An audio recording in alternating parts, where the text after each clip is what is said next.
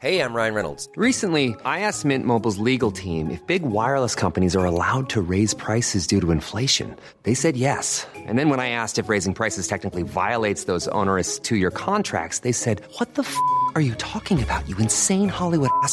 So to recap, we're cutting the price of Mint Unlimited from $30 a month to just $15 a month. Give it a try at mintmobile.com slash switch. $45 upfront for three months plus taxes and fees. Promo for new customers for limited time. Unlimited more than 40 gigabytes per month. Slows. Full terms at mintmobile.com.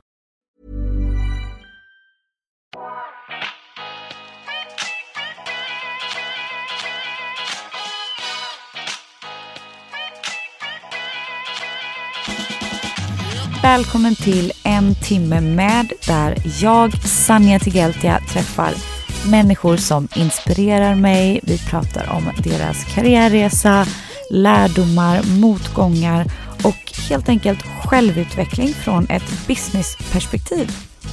I dagens avsnitt så träffar jag Camilla Bastin som är med i podden för andra gången. Hon jobbar idag på Kaja som CMO, vilket är marknadschef som hon precis blivit befordrad till. Vi går in på vad som har hänt sen senast. Vi pratade privatlivet, när hon har bytt efternamn, hon väntar barn nummer två, hon har fått ett jobb på Kaja, först som PR-chef och numera som marknadschef. Och vi går även in på hennes tankar kring ledarskap, få ihop livet, hur en dag som marknadschef på Kaja ser ut, men också om privata drömmar och mål utanför karriären, vad som driver henne och andra tips och råd. Sjukt härligt avsnitt. Hej Camilla! Hej Sanja! Sjukt kul att ha dig med round two. Alltså det har hänt så mycket i ditt liv sen senast.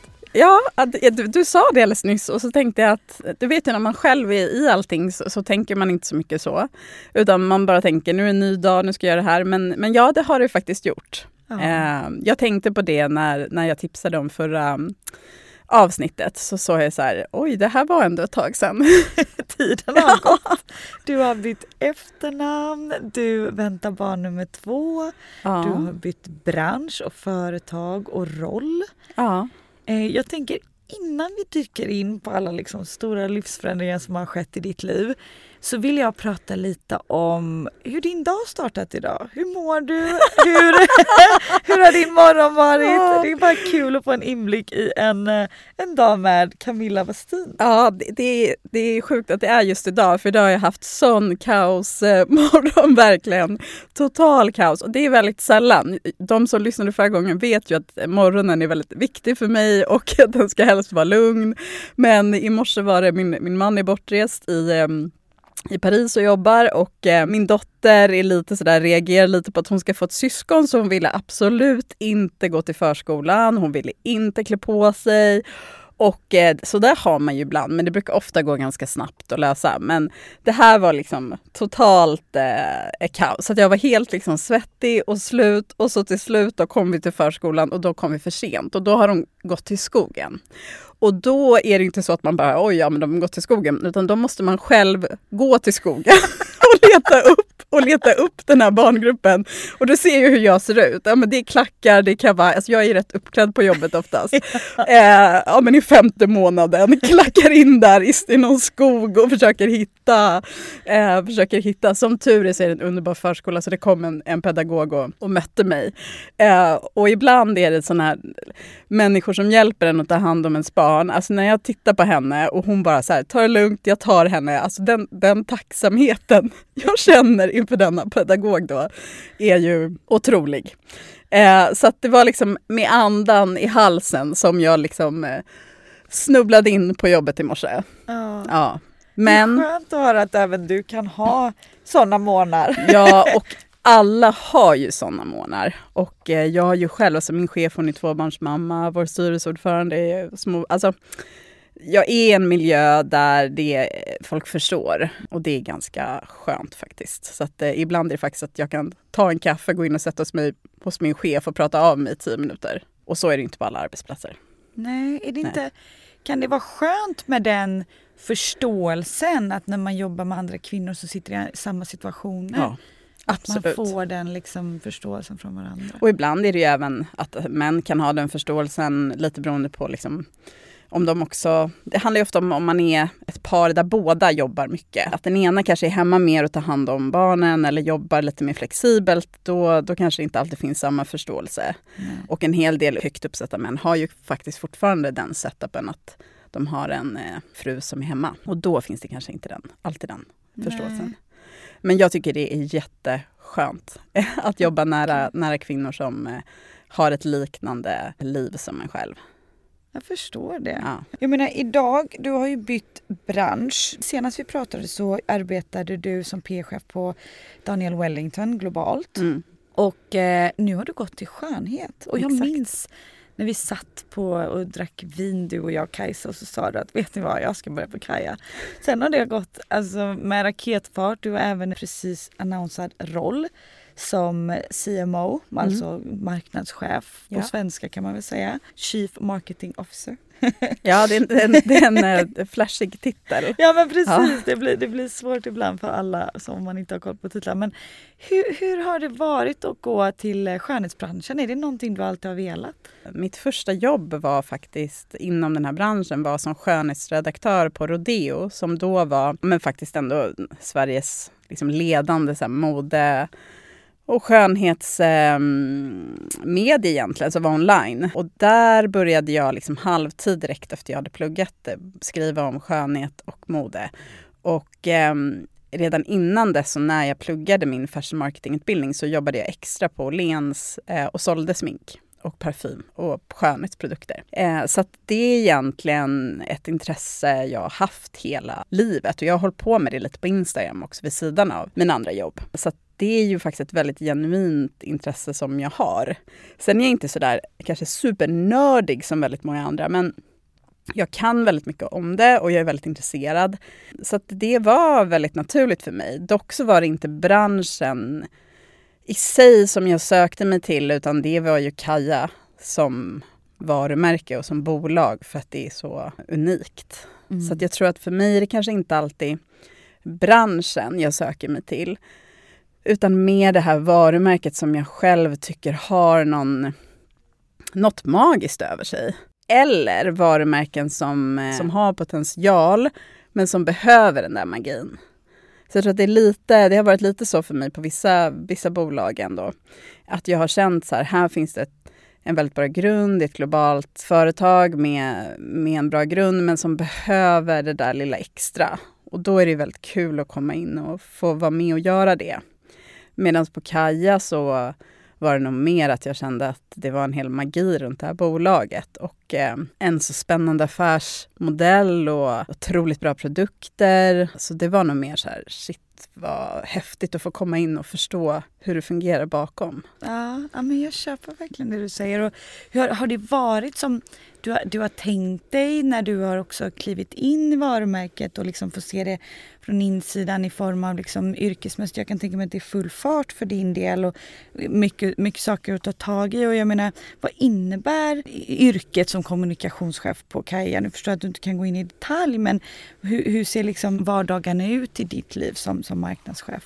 Nej, man kan säga att det första som, som förvånade mig ändå är att det är otroligt eh, väl organiserat och, och otroligt bra uppstyrt. Och sen så har jag ju också från att varit på ganska många stora bolag där man fastnar väldigt mycket i processer och interna powerpoints för allt möjligt och man bara håller på med saker för varandra.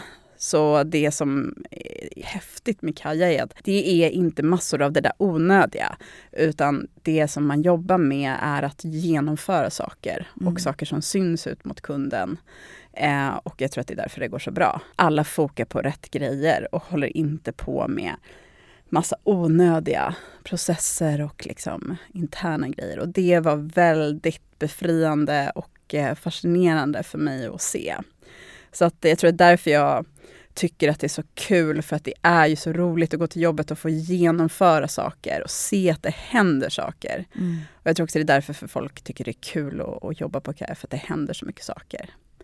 Nej, och, och min roll är väl egentligen, den är, egentligen är den, är den lik hur den var i slutet på Daniel Wellington, att jag är ansvarig för PR-avdelningen, influencer marketing-avdelningen och eh, sociala medier-avdelningen. Och där ingår ju liksom, ja, men events och aktiveringar i marknaden. Så man kan säga att det är all del av marknadsföringen som inte är direkt performance som är mest kopplad till e-com. Och sen så fin- har vi en, en kreativ chef som heter Emily som du ju vet vem det är. Mm. Emily Sundersten, en otrolig kvinna. Och hon är ju mer som liksom kreativ chef, så hon är ansvarig för varumärket och produkt, så hur saker ser ut och så vidare. Men det är min uppgift att aktivera marknaden och ut till kunden, eh, se till att vi kommunicerar på rätt sätt och syns på rätt sätt. Så min roll är väl lite mer kommersiell än hennes roll. Mm. Men vi jobbar jätte, jättenära ihop och eh, eh, nej men det, det är ju ett drömjobb. Det är helt, det är så roligt. Mm. Ja, jag tycker så mycket om jobbet verkligen. Vad har du tagit med dig? För att senast du var med så pratade vi mycket om ditt ledarskap och hur du tänker kring det. Och vad tror du, vad har du tagit med dig eller vad har förändrats nu för din del som ledare eller det kanske inte har förändrats nu när du har klivit in eh, på ett nytt varumärke, ett nytt bolag? Nej, men jag tror den största skillnaden är att eh, jag blev chef för den här liksom stora ska man säga, avdelningen på Daniel Wellington under pandemin. Vilket gjorde att det var väldigt mycket remote arbete, det var väldigt mycket digitala möten. Det var många medarbetare som satt i andra länder. Idag så är vi på kontoret nästan hela tiden eh, och det är eh, att vi träffas fysiskt mycket mer. Plus att vi reser jätte, jättemycket. Så det har ju eh, liksom ändrat vissa delar.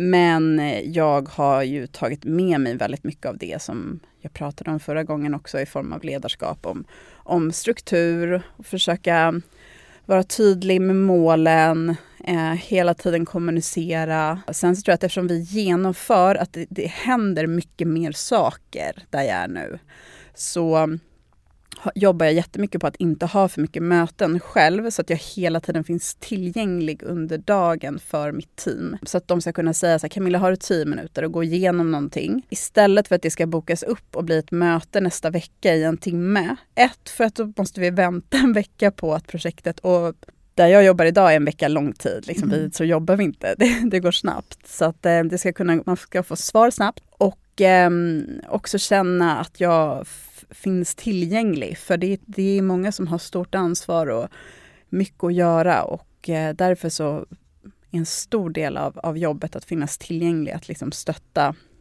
och att de ska få bolla saker med mig. Ehm, Så det är en stor skillnad. Det är mindre möten och mindre digitalt, sitta framför skärmen. Mycket mer sitta med människor och lösa saker. Och det måste jag faktiskt säga att det finns ju väldigt mycket positiva saker med att jobba liksom digitalt och remote och sådär. Men jag som människa, jag har mått väldigt bra av det här att eh, man har en, en utmaning, sätta sig i ett rum med en annan person och lösa det. Jag tycker att det är ett effektivt och bra sätt. Ja. Sen finns det dagar man behöver koncentrera sig, man behöver lugn och ro, speciellt om man har varit ute och rest. Eh, och då kan det vara jätteskönt att sitta hemma i lugn och ro. Och det känns också som att du leder, nu är det här helt utifrån, men att du leder teamet i form av att de ska våga ta eget beslut. Mycket, att det är mycket arbete under ansvar. Vad tror du är viktigt för dig som ledare? Hur, hur tror du att du ska göra eller vad tror du att du gör för att skapa den här atmosfären att man vågar stå på sig med sina idéer, våga ta beslut, våga bolla kreativt högt i tak och liksom utan, utan den här rädslan att jag ska göra bort mig eller våga säga fel eller sådär. Nej, men någonting som jag eh, har försökt eh, lära mig och jobba mycket kring eh, i flera år som inte är kopplat liksom, till den här specifika arbetsplatsen. Det är så här, psykologisk trygghet som man, man kallar det på fint så här, HR-språk. Jag hade en kollega på mitt förra jobb, Emma, som var HR-direktör som, som lärde mig jättemycket om de här delarna. Det är viktigt i gruppen att man känner att man kan säga om det gick fel, eh, man kan säga om man har en dålig dag, alltså som jag refererade till min morgon här idag, då säger jag det till mitt team, då skriver jag ju vår, vår Slack och säger hörni, det har varit en kaosmorgon här för mig så att ni vet liksom, men jag är på väg in, kommer bli en bra dag liksom, men jag försöker inte dölja mina egna brister eller eh, misstag utan jag vill att i gruppen så ska man kunna berätta när någonting har gått bra eller dåligt. Alltså både jobbmässigt men även privat. För att det blir svårt att komma vidare. Ehm, jag, jag, tar ofta upp det att unga duktiga personer vill gärna säga så här, ah, men hur gick det? Och så, det gick toppen. Men om det inte gick toppen och de säger till mig att det gick toppen, det är inte jättebra. För att det kanske var delar som inte gick så bra som vi behöver diskutera hur vi ska få dem att bli bättre till nästa gång. Så jag försöker liksom leda by example och, och själv säga, ja men ni vet det här projektet som jag gjorde, det gick bra på alla de här punkterna men det här missade jag. Eh, så det kan vara bra för er att tänka på när ni ska göra likadant. Och försöker hela tiden påminna om att det handlar inte om att berätta för chefen hur bra allting gick och ingenting var ett problem. Utan att säga, jag gjorde mitt bästa, de här delarna gick bra, det här missade vi. Och då kan ju resten av gruppen lära sig och när vi gör så, så har det flera gånger liksom dykt upp att så okej okay, toppen, men det där ska du tänka på. Du som ska åka iväg och göra samma event i det här landet. Tänk på det här. Och så har man undvikit, så har man, lär sig gruppen tillsammans. Mm. Och det grundar sig i psykologisk trygghet, att känna att, att man inte blir utskälld eller eh, att någon ska tycka att man är dålig eller och verkligen känna att i gruppen gör vi det här. Och sen är det kanske inte att vi sitter liksom på ett måndagsmöte framför hela bolaget och berättar om exakt alla misstag vi gjorde. Utan det är ofta något som vi håller i gruppen och så försöker vi fixa till det till nästa gång. Så jag tror att det är väldigt viktigt. Och, och jag tror också psykologisk trygghet handlar om att känna varandra. Att kunna skratta, kunna liksom känna sig bekväm med de man jobbar med. Även om man inte umgås på... Det handlar inte om att vara vänner, utan bara känna att, att inte få ont i magen av att komma till jobbet. Eller att, eh, jag brukar ju säga att man, man vet om man har rätt chef om man ser på Slack eller Teams när en chef skriver till en. När man ser de här, du vet, här mm. små du, du, du, när du skriver, får du ont i magen då? Eller känner du dig liksom neutral eller, eller känns det liksom ja men du bara undrar, så, ah, undrar vad hon vill. Liksom. Mm. Men eh, jag vill aldrig vara en sån chef som man ska få ont i magen av Nej, när jag skriver. Nej men det tror jag, det är lätt Vilken hänt, bra alltså. referens. Jag började direkt Förstår bara du? så här, vilka man, chefer? Man ju, om man tänker efter kan man ju komma på några exempel av båda, båda två. Ja, ja, ja. Jag tror inte på det. Nej. Utan jag, sen, sen så kan det låta nu när jag beskriver det här, så, aha, men att allting är så. Jag ställer också jättehöga krav på teamet och, och är jättetydlig med vad vi behöver göra. Mm. Eh, och eh, om vi går igenom och det här är inte bra, då säger jag liksom så här, men toppen att vi tog upp det. Okej, men då är det så, de här grejerna vi gör nästa vecka, då vill jag ska finnas en plan B på alla de här. Det är liksom, det är, alla ska ha tänkt på det och jag förväntar mig det. Det är inte att säga att någon har gjort fel, utan det är att säga så här, det här missade vi och nu eh, shapar vi upp och skärper till det. Liksom. Så att jag ställer ganska höga krav och jag vill att vi ska skruva saker som inte funkar. Mm, mm, ja men verkligen makes sense. Eh, och, och, för att jag tänker så här, någonstans så grundar ju sig ditt ledarskap också kanske i och med att du själv har psykologisk trygghet i dig själv, i din vardag, i ditt liv. Alltså så här, någonstans tror jag att man blir en bra människa om man mår ganska bra. Ja. Eh, du, du nämnde förra avsnittet, kommer jag ihåg ganska tydligt, att du hade liksom ett way of lägga upp din vecka på som fick ditt liv att gå ihop. Ja. Och sådär. Du var väldigt noga med vilka dagar du var hemma, vilka dagar du var på stan, vilka vad du gjorde på helgerna för att stänga av. Hur ser livet ut nu för att få ihop eh, allting för att du ska må så bra som möjligt. Ja, vardag. jag lyssnade faktiskt på det gamla avsnittet eh, i förrgår och så tänkte jag gud så uppstyrt det där var. Jag är inte riktigt så längre för jag skulle nog vilja säga att det som, det som var med mitt eh, förra jobb var att det var så digitalt då. Jag hade så mycket medarbetare i andra länder så jag satt ju på Teams i möten från liksom 9 till 6, ibland åtta möten i rad. Och det dränerade mig. Alltså, det var ett fantastiskt jobb och bolag. Och, men, men just det här att sitta i de här Teamsmötena bara liksom timme efter timme efter timme. Så när jag lyssnade nu och jag, och jag sa då till exempel att på lördagar är jag bara i pyjamas och hemma hela dagen. Och när jag lyssnar på det nu så kan jag känna så här, är det verkligen helt hälsosamt att vara så trött på helgen? Och det har faktiskt ändrats. Jag skulle säga att jag jobbar ju lika mycket nu som jag gjorde på min förra arbetsplats, men jag blir inte lika dränerad eh, av att sitta och prata med mitt team, eh, lösa saker i fysiska möten som att sitta framför den här skärmen hela dagen. Mm. Så att jag har mer energi på helgerna skulle jag vilja säga. Så att jag, det kan absolut hända att jag har pyjamas hela dagen men ofta så hittar jag på någonting eh, på lördagar och är inte lika trött på helgerna. Och jag vill säga att det är nog helt olika för alla människor. Mm. Men jag är en person som får energi av eh, att jobba med mina kollegor. Så att det har ändå ändrats lite. Vi försöker hålla de här dagarna med vem som hämtar min dotter och, och inte. Men både jag och min man reser ganska mycket och det här jobbet har jag rest väldigt mycket. Så att det är snarare att vi på söndagar tittar på vem som har resor och så vidare och så eh, bestämmer eh, vi vem som hämtar efter hur våra scheman ser ut. Så att det är lite mer att anpassa oss efter resor och sådana saker. Mm. Men jag går aldrig in i en vecka utan att veta vilken dag jag ska hämta, vilken dag min mamma hämtar och så vidare. Utan det vill jag ha klart när veckan börjar. Så jag vill inte liksom sitta och tänka på det, utan jag vill veta det. Också för att kunna blocka kalendern, de tiderna och sådär. Så att det ska kunna vara lätt att eh, boka möten och um, vara tydlig mot sina kollegor och ha en uppdaterad kalender och sånt som, som ju faktiskt också är rätt viktigt för att man ska kunna samarbeta. Verkligen. Och, och numera som du nämner är det mycket mer resa, mycket mer events, mycket mer kanske sociala aktiviteter. Som, som är, är det svårt att pussla med det och vara mamma och liksom hinna återhämta dig? Eller känner du att du får så mycket energi för att du tycker att det är roligt? Oftast så tycker jag att det är roligt och oftast så är det, går det bra. Eh, jag har mer kvällsaktiviteter än vad min man har skulle jag säga. Så att ofta så, så blir inte det några problem. Och sen är vi ju flera i teamet och vi hjälps åt och sådär. Men det kan absolut vara att man, man blir lite trött av det eh, mm. på ett annat sätt. Lite socialt trött kan man bli av det. Jag kan känna att ju yngre man är ju, ju lättare är de där sakerna. Ah. Eh, och eh, det kom ju väldigt naturligt för mig och jag har ju valt ett sånt typ av jobb men det kan absolut vara, man har varit på en resa där det är väldigt mycket representera och socialisera så kan man känna sig lite slut. Mm. Eh, absolut. Men eh, då brukar jag jobba hemifrån en dag och eh, försöka ha det tyst omkring mig, landa i mejlen, köra igenom de grejerna. Så jag försöker ändå ta liksom ansvar för min energi och även för teamets energi, att har de haft en sån resa mm. eh, där jag vet att det har varit jättesocialt krävande, då säger jag ofta så här, men ska du inte jobba förmiddagen hemma? Eller, och ibland vill de det och ibland vill de inte. Men, men jag, jag tror att det där att balansera både sin egen energi och sitt teams energi och förstå också att de här sociala sakerna och resorna kräver väldigt mycket av medarbetare.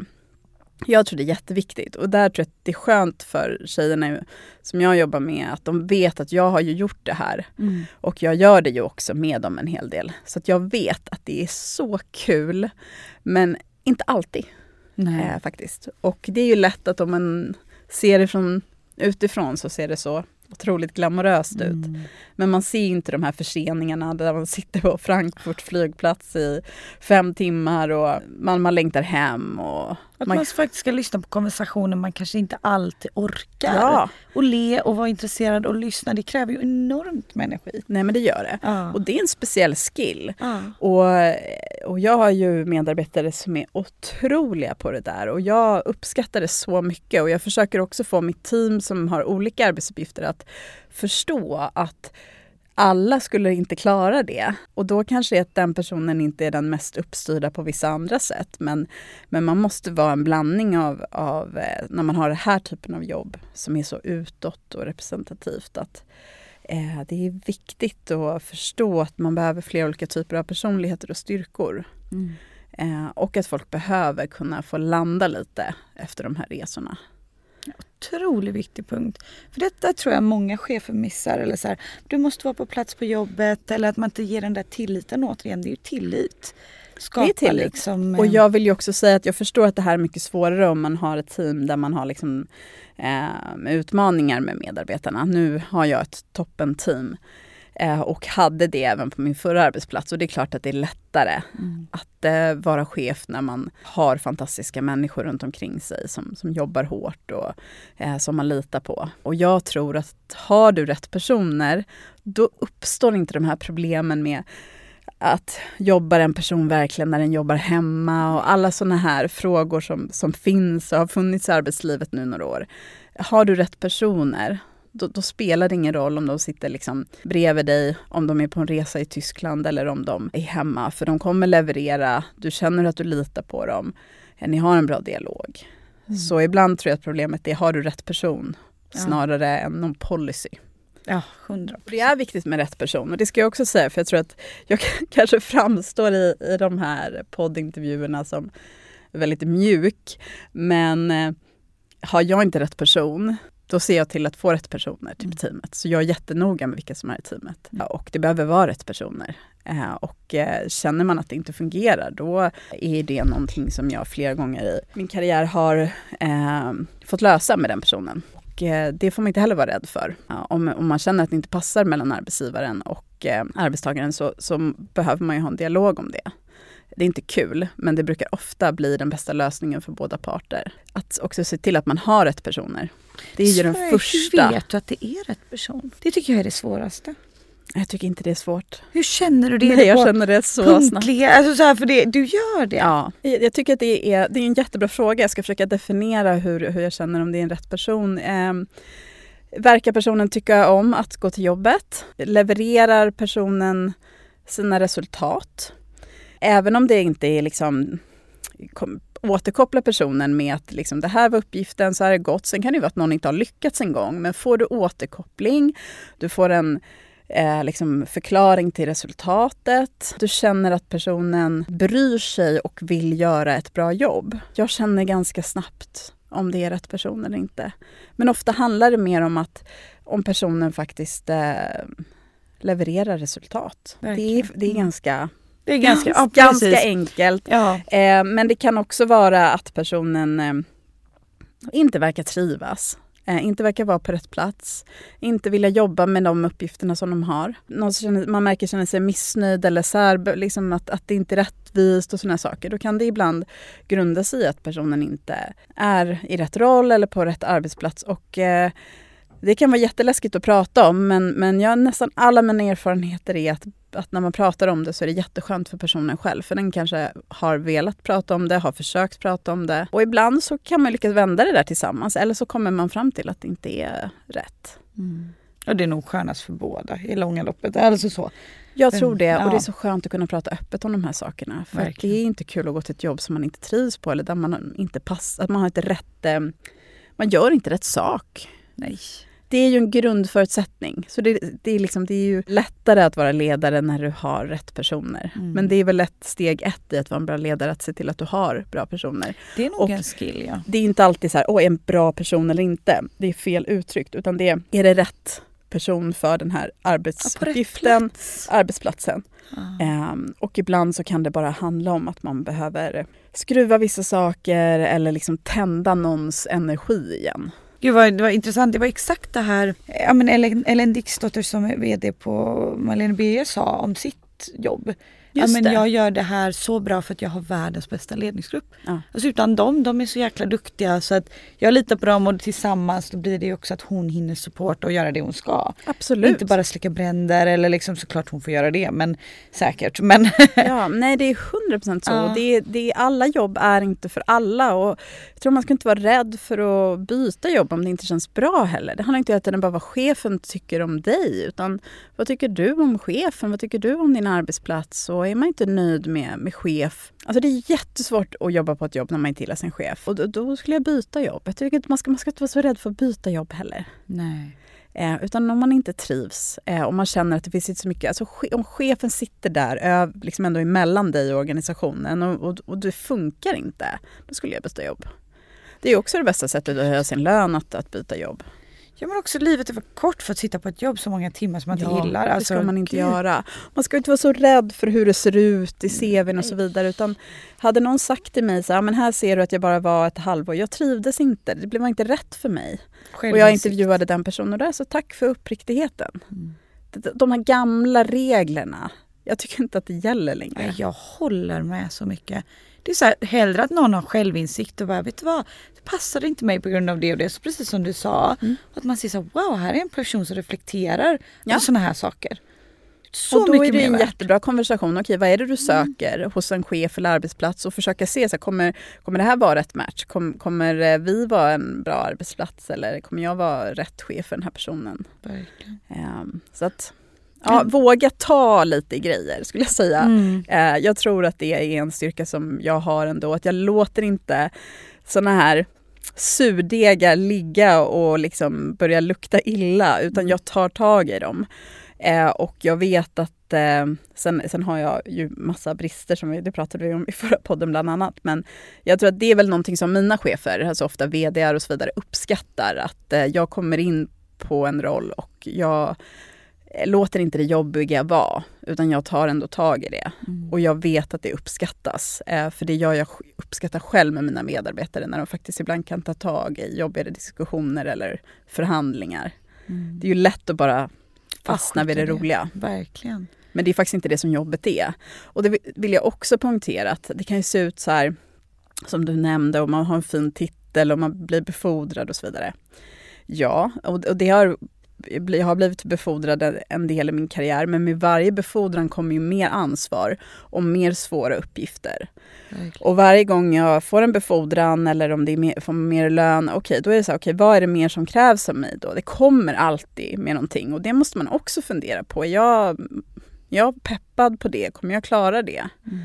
Så en, en fin titel, absolut, det är kul. Men, men det, det är ju också massa delar i det som är svåra och ansvar och jobbiga saker. Som, som du krävs. ska leverera på. Som jag ska leverera på ja. och som jag ska ta hand om. Jag kan ju inte komma till min VD och oj, oj, det här, kan du göra det här? Nej. Kan du ta det här jobbiga samtalet med den här medarbetaren? Nej, det är mm. mitt jobb. Det ska man komma ihåg. Verkligen. Att det är inte bara det där glammiga utan befordran, höga roller, alltså det, det kommer med så mycket tuffa saker och eh, svåra delar.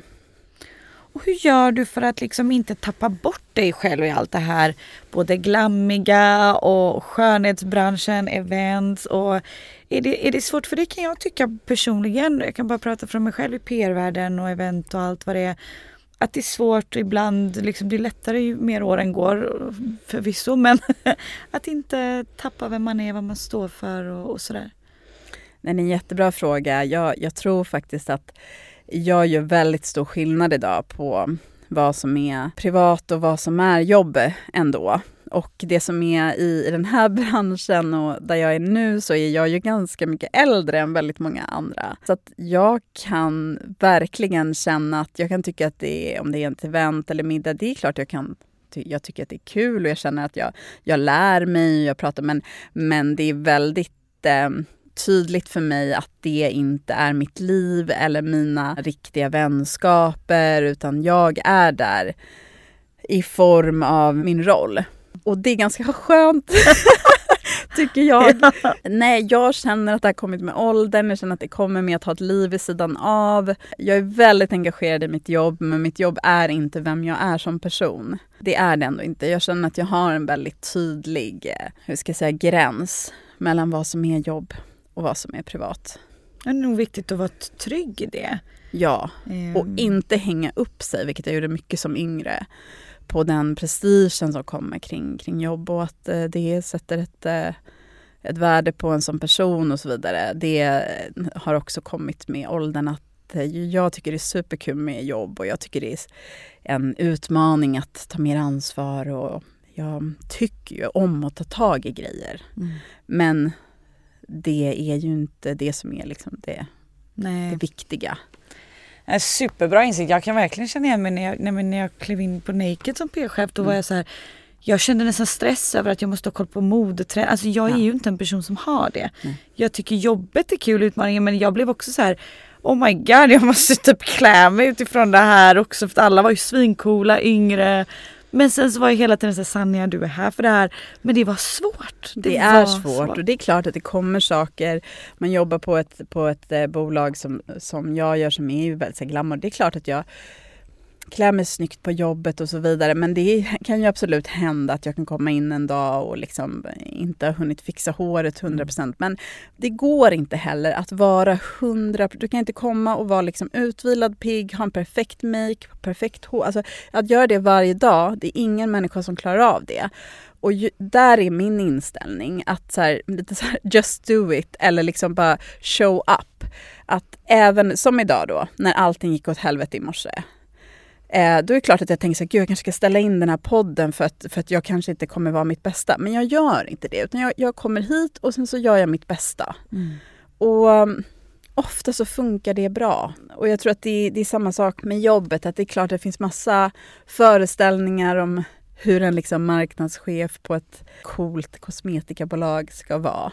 Men jag är jag och jag är ju anställd och rekryterad för att eh, obviously att det är någonting som, som bolaget ser i mig och eh, jag kan bara göra mitt, eh, mitt bästa. Och sen tror jag att man måste också inse att jag kommer ju aldrig vara den som är bäst på TikTok-trender. Det är därför jag har mina grymma tjejer som är bra på det jag ska inte vara bäst på allt. Jag, vill, jag, jag håller mig uppdaterad, jag läser väldigt mycket och det är liksom strategiska, jag vet vad andra liksom, bolag gör. Men jag ska inte vara den som kommer på liksom, den roligaste caption till en TikTok. Då håller jag ju på med fel grejer. Det är ju mitt team som ska göra det. Och vad driver dig för att få dig att bli så här, oh fan vad kul, det här vill jag liksom sätta tänderna i. Vad är det som får dig, gets you going när det gäller liksom Ja, men jag tycker det är så kul att genomföra saker. Att sitta och planera saker och ha idéer och sitta tillsammans och sen se de här sakerna komma till liv. Och jag tror att det är därför jag, jag tycker det är så kul med mitt jobb nu. Vi genomför så mycket saker.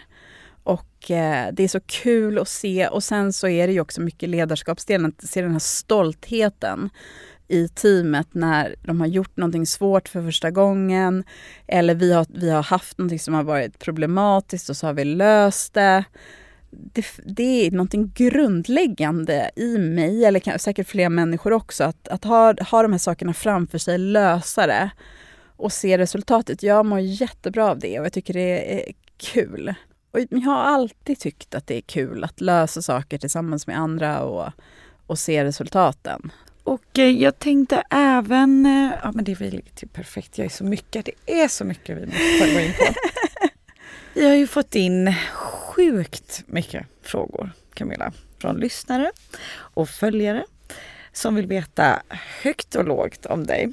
Så jag det är galet, här, man fattar ju aldrig sånt där, sånt där själv men mm. det är ju det är Nej, roligt. Men alltså, det är jätteroligt och ja. folk vill veta så mycket. Och det är allt ifrån liksom skönhet till karriär till privat till prestationsångest.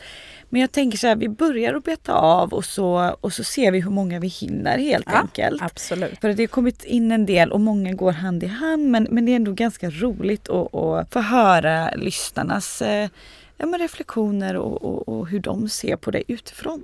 Det har ju kommit in ganska mycket kring just prestationsångest och krav på sig själv och imposter syndrome. Har du någonsin känt av det och liksom, hur, hur tacklar du om du någon gång känner att du tvivlar på dig själv? Ja, jag, jag känner av det. Jag känner av det mycket mer när jag var yngre. Jag tror att det som jag ofta gör är att ibland är ju inte förutsättningarna rätt. Alltså det är ofta sånt som kan få mig lite off balance. Alltså det här att man har haft något tjafs på morgonen när man sovit dåligt. Alltså det är sådana saker som snarare om, om de grejerna är, är bra för mig, jag har sovit efter en bra mat, då, finns, då är det väldigt sällan någonting kan, kan göra mig nervös eller så. Men om det finns saker som har stört runt omkring, då kan eh, jag känner mig eh, stressad eller nervös över hur någonting ska gå. Och då är min, min strategi att jag tänker så här, det här har jag gjort flera gånger innan. Jag kan det här. Och lite tänka att det finns redan inom mig och, och ta fram det helt enkelt.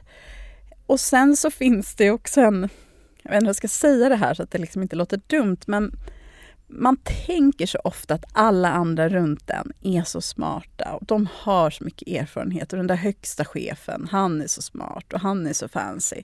Och jag tycker det här liksom har rullats ut lite framför mina ögon de senaste åren. Både när jag jobbat med otroligt högt uppsatta, framgångsrika människor men också under covid när man satt, liksom, folk satt i sina hem. Och, då sitter ju den där högsta chefen i, liksom, sitter i någon, sin källare och det kommer något, någon tonåring in och stör. Alltså, folk är inte så där otroliga som, som man tror. Utan de är nog jättebra på sitt jobb, men de är människor precis som du. Så jag tror att det är så lätt att man tänker att alla andra är så perfekta och uppstyrda och smarta.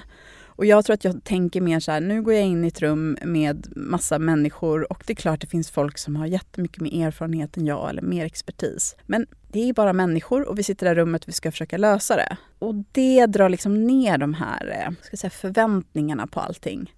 Och jag, jag tror så mycket i jobb är att så show up kom, gå dit på mötet, ta den där lunchen. Oroa dig inte för att du liksom har sovit lite dåligt eller känner att du inte har en bra dag. Liksom, utan gå dit och så gör du ditt bästa. Jag tror jättemycket på det. Men sen så har jag ett gott självförtroende inbyggt har jag faktiskt insett, för jag får den här frågan väldigt mycket. Det är sällan jag tvivlar starkt på mig själv. Eh, men jag tror inte heller att jag, wow nu kom jag in och jag kommer vara bäst eller jag kommer, alla kommer bli helt blown away. Men jag, jag, tror att jag kommer göra det bra och göra det good enough. Så jag tror att jag har ganska snälla tankar om mig själv. Mm. Vågar du också erkänna typ i sammanhang på jobb, jag vet inte eller jag kan inte eller liksom så. Vågar du, vågar du inte ha svar på allting eller hur känner du någon ja, gång? Nej men det skulle jag säga har kommit med åldern. Mm. Och det är ju också ibland när man, man har en arbetsintervju eller någonting att jag brukar vara ärlig med att eh, de här delarna inom marknadsföring är min absolut styrka. Den här delen har jag inte jobbat lika mycket med men jag eh, känner till mycket kring den och jag kommer säkert kunna lära mig. Men eh, det brukar jag lägga ut så korten på bordet mm, mm. direkt. Och även om man Ibland kan det hända att någon i ens team frågar hur ska jag göra med det här? Och det händer ibland att säga så här, vet du vad, just nu står det still i huvudet med vilken, vilken svår utmaning. Ska vi, ska vi liksom gå och käka lunch och så tittar vi på det här om en stund när vi känner oss lite mer klara i huvudet. Mm. Så kan jag också säga mm. ibland. Ja, du bara eh, ja, så jag, jag, tror att det handlar om att man att den här nivån som man tänker att man ska vara på. Du behöver inte alltid vara på den nivån. Eh, utan du ska göra ditt bästa och vara där och vara närvarande. Jag tror att det är som du säger, liksom också för att knyta ihop att du sa eh, snälla tankar om sig själv. Mm. Det bygger ju någonstans på det. Att så här, det, det är ditt huvud som bestämmer om du ska tro på dig själv eller inte. Ja. Det spelar ingen roll om jag tror på dig hur mycket som helst om inte Nej. du själv gör det. Nej, och, och, och inte hela tiden tro att det ska vara någon liksom extremt svårt utan eh, att gå in och göra sitt bästa, det är en, en, en bra inställning som jag försöker göra ganska mycket. Och, men då går vi in på, på nästa fråga. ja, absolut. Jag smygläser lite och ja. Eh, du får ju svara så gott du kan tänker jag här utifrån från vad du tycker. Hur vänder jag mina svagheter till något positivt i samtal med min chef? Ja, den här frågan är ju, alltså jag vet inte, måste du göra det tänker jag? För det är nog min fråga, så här, din chef förväntar sig inte att eh, att du ska vara liksom perfekt. Jag tror att dina svagheter, vi säger att det är någonting du, du känner att okej okay, i det här projektet har jag inte lyckats med den här delen. Vi säger att det är att man har svårigheter med den sociala delen, att komma överens med en annan avdelning, för att göra det lite mer konkret. Då skulle jag säga att så här, men projektet har gått bra med de här, de här delarna. Jag känner att det är en utmaning att eh, liksom kommunicera med den här avdelningen och att jag, jag hade behövt liksom, eh, jobba lite mer på det här. Men, men då, då hade jag uppskattat att man var proaktiv. Kanske att personen hade föreslagit så här, ja men eh, Eh, Anna som jobbar i det här teamet, hon verkar vara så himla bra på den delen. Är det en idé att hon och jag gör de här projekten ihop framöver kanske? Att jag kör lite mer den analytiska delen och hon, hon kör lite samarbetsdelen. Skulle det kunna vara så kanske vi får bättre resultat. Eh, eller att, att om man verkligen känner att man vill lära sig, kanske fråga chefen faktiskt om råd. Mm. Många chefer gillar ju att få coacha. Ja. Bara du visar att du vet om att den här delen inte har gått jättebra och du är intresserad av att förbättra den. Antingen genom att ta hjälp av en kollega som har det mer naturligt eller att få, få tips. Så skulle jag aldrig se det som en svaghet. Och sen har vi en person som tycker att det är väldigt jobbigt att bli berömd på jobbet. Alltså det, it's a good thing då. Bedömd eh, eller berömd? Förlåt, bedömd. jag var berömd. jag bara, jag bara wow, det här var en otrolig person. ja det var därför jag bara jaha, det var it's a good thing. Ja, Okej, okay, och bli bedömd. Ja, tips på ja. att vända det här till något positivt. Nej men vet du vad, det är inte jättekul. Varför skulle det vara något fel? Det är väl inte så konstigt. Jag tycker det där hör lite till jobbet och att bry sig om jobbet. Och jag kan absolut vara, bli lite pirrig över vad någon ska... Eller pirrig är fel, men jag kan absolut inte... Jag känner inte någon negativ ångest, men jag kan eh, vara lite så här... Jag, jag, frågar gärna sen så här, ja, med min chef att ja, men hur gick det? Var det några kommentarer? Jag är ofta ganska nyfiken på ändå hur, hur jobbet har uppfattats. För att det är viktigt för mig att eh, att få veta liksom, hur jobbet uppfattats. Så att jag tror att alla känner nog så. Mm. Och att det är ju inte allt det är ju inte vem du är som person och jag tror att vi alla har ju misslyckats på jobbet. Och jag eh, berättade ju det när jag var här förra gången att det har ju varit jobb eh, eller positioner jag har velat ha som jag inte har fått. Så det kan ju bara se ut som att oh, gud, hon får, allt går bara toppen för henne. Och det har ju hänt att jag inte har fått positioner jag velat ha för att det har funnits svagheter i i, eh, i min kunskap eller i att jag inte varit rätt för jobbet. Mm. Och jag tycker jag ser det här överallt med, med, med chefer, kollegor, byråer. Det finns vissa grejer som folk gör jättebra och sen finns det saker som de gör mindre bra. Verkligen. Alla mina samarbetspartners, kollegor, chefer. Jag skulle kunna, eh, oftast är det ju mer positivt, men det finns ju saker som jag såklart reflekterar över med människor runt omkring mig. Att det där är inte deras toppensida. Men, och så tänker folk exakt samma sak om mig såklart. Nej men jag håller helt med. Vad är ditt viktigaste tips för de som drömmer om en karriär inom kommunikation?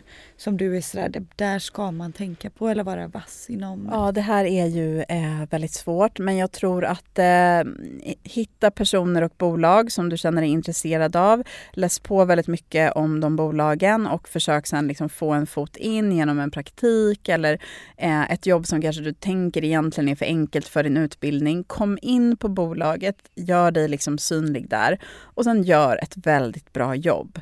Var ödmjuk, se till att det jobbet du kommer in på, även om du tycker det är för enkelt, att du gör det toppenbra. När du har gjort det toppenbra, då kan du visa intresse för andra saker. Men, men att det jobbet man blir anställd för, det måste man först göra bra. Och det här ser jag ändå som en utmaning ibland med, med yngre eh, medarbetare. Man vill framåt och man har en bild av att alla andra bara kör på och den får det här och här. Att man glömmer bort att först måste du naila det jobbet du har. När du har gjort det och du ser att jag kan ta på mig mer, eller, då, kan, då finns det ju möjligheter att gå vidare. Mm. Men man kommer ju ingenstans om man inte först nailar det jobbet man gör. Verkligen. Och går väldigt också i linje med, med vad Babba var med förra veckans avsnitt. Mm. Och hon sa att hennes viktigaste tips var show up fully. Det har varit nyckeln i hennes karriär. Ja. Gör det du gör uh, jättebra. Du är inte för fin för någonting. Du är inte för bra. Liksom, släpp prestige. Show up fully för den arbetsuppgift du har. 100 procent. Det är eh, jättebra sagt. Ja, verkligen samma som, som det du säger. Mm. Och det är så intressant att det ligger ju någonting i det. Att så här, inte vara var för fin för någonting eller för bra för Nej. någonting eller man vill framåt men det, då måste man klara av det man gör. Eh, du har ju också krigat på, du har inte hamnat här av en slump. Nej, och det är så här, jag, jag, nu, jag är 35 år. Alltså, det, jag har jobbat med det här väldigt länge och det finns ju folk som är marknadschefer eh, eller CMOs när de är 28 år. Alltså det, jag, har, jag, jag har tagit steg efter steg och, be, och, krigat och bevisat mig steget. Det, har inte, det kan se ut som en räkmacka, men det kan jag säga att det, det är inte en räkmacka. Utan det, jag har krigat för varje steg och jag har eh, sett till att, att göra bra ifrån mig på varje position. Så det är, finns inte så mycket genvägar skulle jag säga. Mm. Sjukt bra tips faktiskt, för det, det tror jag att gig är oftast missbedömt.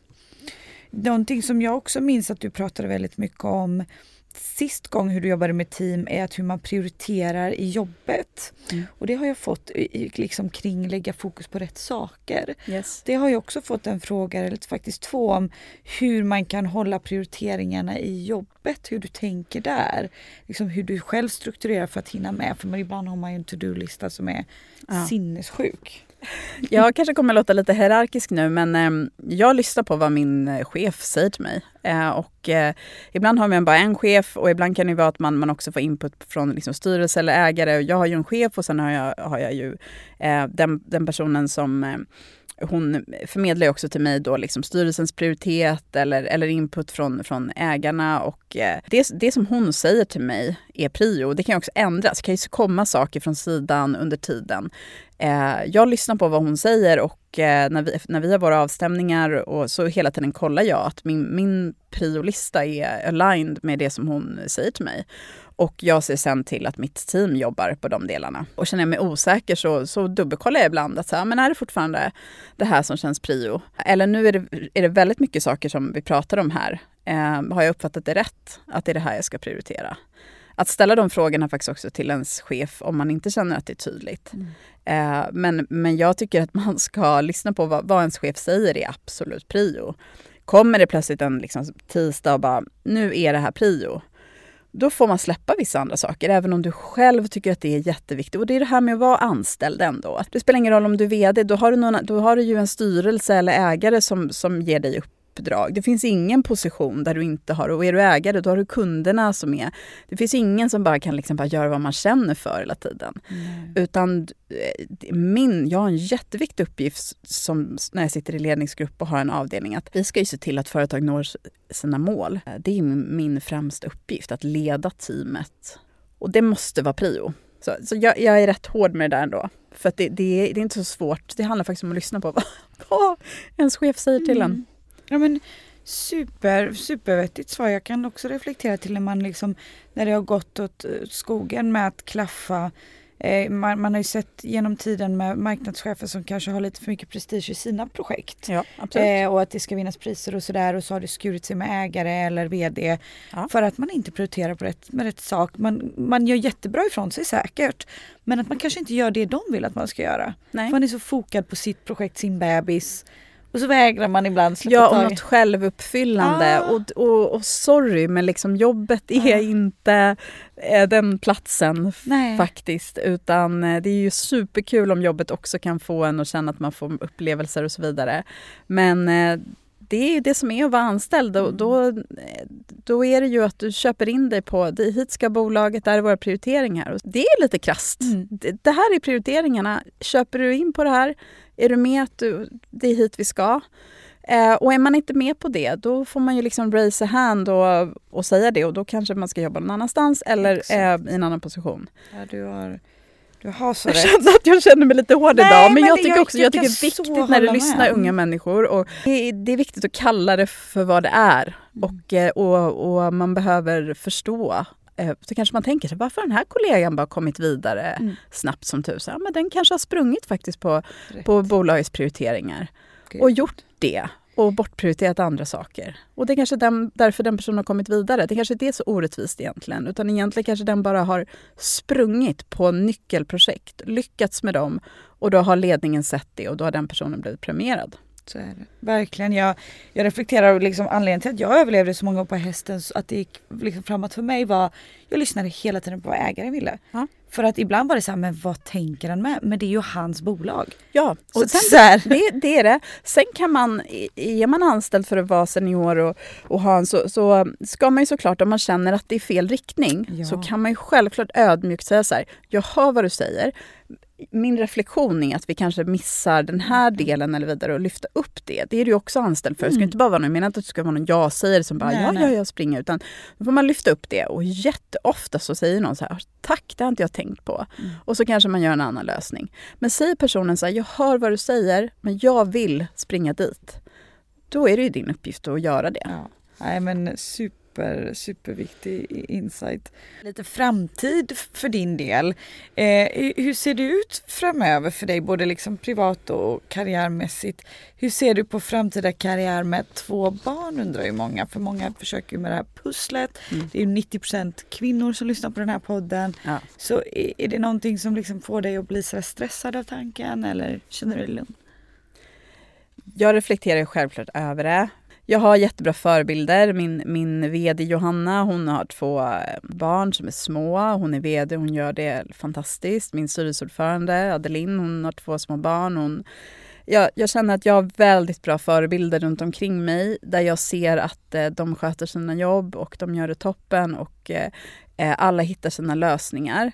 Så jag har bara bestämt mig för att jag tänker inte låta det eh, sitta som något liksom dåligt samvete över mig. Är det lätt? Nej. Eh, får, har man sådana här månader där man står med klacken i, i någon skog och ska lämna på förskolan och känner att eh, man dras mellan de här rollerna? Ja. Men så här har ju män gjort i alla år. De har ju haft två barn och de har jobbat och så vidare. Så att jag tänker att det löser sig mm. och det får lösa sig. Och eh, jag har ju också poängterat flera gånger att jag också har ju hjälp mycket av mina föräldrar och min mamma. Så hon hjälper ju, eh, hon hjälper ju om det kör ihop sig ibland och hon hämtar ju min dotter en till två dagar i veckan. Och sen handlar det om att ha en bra arbetsplats. Eh, både jag och min man har ju en ändå, vi kan hämta vår dotter eh, ja, en till två dagar i veckan eller ja, jag tror säkert mer också om vi hade velat det. Och så jobbar vi lite på kvällen eller sådär. Så mm, mm. Jag känner att det, det, det handlar lite om arbetsplats och chef. Men jag känner mig otroligt supportad av min arbetsplats och, och min chef och, och de runt omkring mig. Jag har ju inte upplevt att någon har tänkt att jag inte skulle klara av det. Nej. Eh, och jag fick ju också den här rollen nu när jag faktiskt var gravid i femte månaden. Och eh, det har liksom inte, det är ingen som har ens liksom, tagit upp att det skulle Nej. vara en problematik. Och jag tror att eh, det är jätteviktigt för, för jag tror att jag jobbar nog på ett ganska progressivt bolag när det gäller det. Jag förstår att alla inte har det så. Men jag kan också känna att det är viktigt att visa att det finns eh, företag som eh, promotar folk som eh, ska få sitt andra barn eller Gud, ja. att, att, det, det inte är att eh, karriären på något sätt är över. Eh, däremot så kommer jag inte kunna göra liksom, hemgjord barnmat och... Alltså, man får, får välja liksom lite. Pussla. Ja, precis. Exakt. Så att, det är klart jag reflekterar över det. Jag förstår oron. Mm. men jag, jag tänker bara att det, det får lösa sig, mm. helt enkelt. Och lite framtidsspaningar inom PR och kommunikation om du får liksom bara sammanfatta. Vad tror du, hur ser framtiden inom PR och kommunikation ut enligt dig? Jag tror ju väldigt mycket på det, på det personliga och relationer. Jag tror att det, det kommer också som en liten reaktion på på covid och på mycket av den eh, ska man säga, också influencer marketing och sådana delar som har varit otroligt automatiserat och så vidare. Jag tror ju att de varumärkena som kommer lyckas med att nå ut till, till sina kunder eh, både har en personlig relation till eh, partners, alltså influencers eller artister eller bara personer man samarbetar med, men också mot kunderna. Att eh, få känna sig lite som en del av bolaget, eh, vara nära, ha dialog, bjuda in kunder både fysiskt och digitalt i ens värld. Och att verkligen bygga riktiga relationer. Eh, och jag tror att de varumärkena som lyckas mycket bra med sina partnerskap, där ser man att den som man samarbetar med känner personerna som jobbar där, har varit på kontoret, har testat produkterna under lång tid. Den här, det här genuina. Så, så jag, jag tror väldigt mycket på det. Och att saker och ting smälter ihop väldigt mycket. Vad är en kundaktivering? Vad, vad, är, en, vad är en kund? Vad är en influencer? Alltså egentligen, var går gränsen? Mm. Vad är ett event? Vad är, vad är PR? Vad är betalt? Allt det, det smälter ihop eh, mycket mer. Och jag tror att eh, avdelningar kommer vara mindre så här, här är PR-avdelningen, här är influencer marketing, här är vår eventavdelning. Jag tror att det blir mer en aktivera, eh, aktivera mm. marknaden på rätt sätt i rätt tid. Det handlar ju jättemycket om eh, magkänsla och fingertoppskänsla. Mm. Eh, och det känner jag att eh, jag jobbar så mycket med min magkänsla och fingertoppskänsla i mitt jobb. Och det är därför det är svårt ibland att förklara varför jag känner starkt nej till en viss byrå eller starkt ja till en viss kreatör, influencer som kanske knappt har några följare men jag ser någonting i den personen. Mm. Och en sista lyssnarfråga. Vad uppskattar eh, du hos dina medarbetare alltså, eller du som chef hos en medarbetare? Antingen nu eller innan eller så men liksom generellt.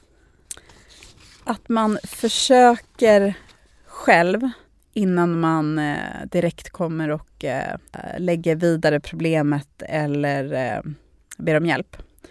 Och eh, jag vill inte att det ska låta som att man inte får be om hjälp, men jag tycker om när en medarbetare stöter på någonting tufft och först försöker själv att lösa det eller funderar på olika lösningar och har tänkt igenom och sen kommer till mig för att bolla.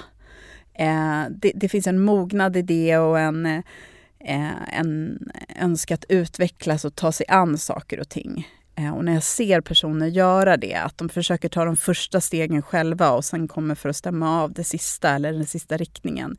Eh, då känner jag wow, vilken person som har liksom bitit tag i det här och försökt en del själv. Mm. Och ibland så behöver de inte min hjälp och ibland så fastnar de och behöver min hjälp. Det blir otroligt mycket lättare att också inspirera och lära den personen för den har själv då känt på hur det känns att ta sig an den här utmaningen. Ja, bra tips. Och vem hade du velat lyssna på i podden? den här eviga Alltså frågan. det här är ju så pinsamt från första, förra gången när jag satt där och så här. Nej men jag, eh, jag är ett superstort fan av, eh, av Totem som, som varumärke och dess VD Johanna har ju Ja. varit med men jag hade ju velat att Elin Kling skulle vara med. Jo tack. Ja, jag vet att du har försökt säkert. Men jag tycker det är fascinerande hur, eh, hur hon håller ihop eh, Totem som varumärkes i alla kanaler. På alla sätt med så mycket integritet och ändå lyckas så bra kommersiellt. Jag får liksom gåshud av det Ja. verkligen. Eh, Så Johannas avsnitt vill jag ju tipsa om. Det är ju fantastiskt. Hon är ju en, en stor inspirationskälla för mig som person.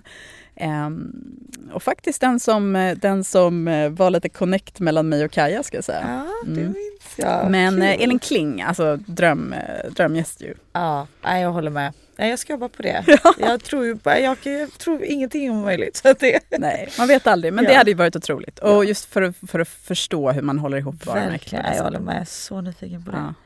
Hur, hur hittar man till dig om man är sjukt nyfiken och kanske inte känner till dig eller vart du finns? Ja, men jobbmässigt, för det är ju mest det vi har pratat om, så, så hittar man mig på LinkedIn. Och sen finns jag på Instagram, Camilla Eleonora. Ja. Eh, men där är det inte så mycket jobb. Jag håller det ändå alltid. Jag har försökt hålla det utanför liksom, mina jobb. Det kan dyka upp någonting, men det är ju mer eh, som en hobby för mig kring allt som jag tycker är härligt och mitt liv. Sen så kan man eh, mejla mig eh, på, om det är jobbrelaterat, kan man mejla mig på camilla.kaja Eh, och är det inte jobbrelaterat så är det camilla.bastin.gmail.com. Du ser, jag försöker hålla ordning mellan de här två, Jag två gillar det, det är delarna. din struktur. Ja. Ja. Tack snälla Camilla för att du ville vara med igen. Det är så kul. Du ser, trots att eh, det var en kaosmorgon så kan det, det kan bli okej ändå. Det blev mer än okej och vi fick en härlig catch-up vilket jag är otroligt Ja, glad för. så himla trevligt. Tack. Känns inte som jobb för fem år. Tack snälla. Tack snälla. Jag spelar in podden på Helio. Helio är en mötesplats där man kan podda, man kan sitta och arbeta. Coworking space som finns runt om i landet på olika ställen. Eh, älskar det och kan varmt rekommendera det.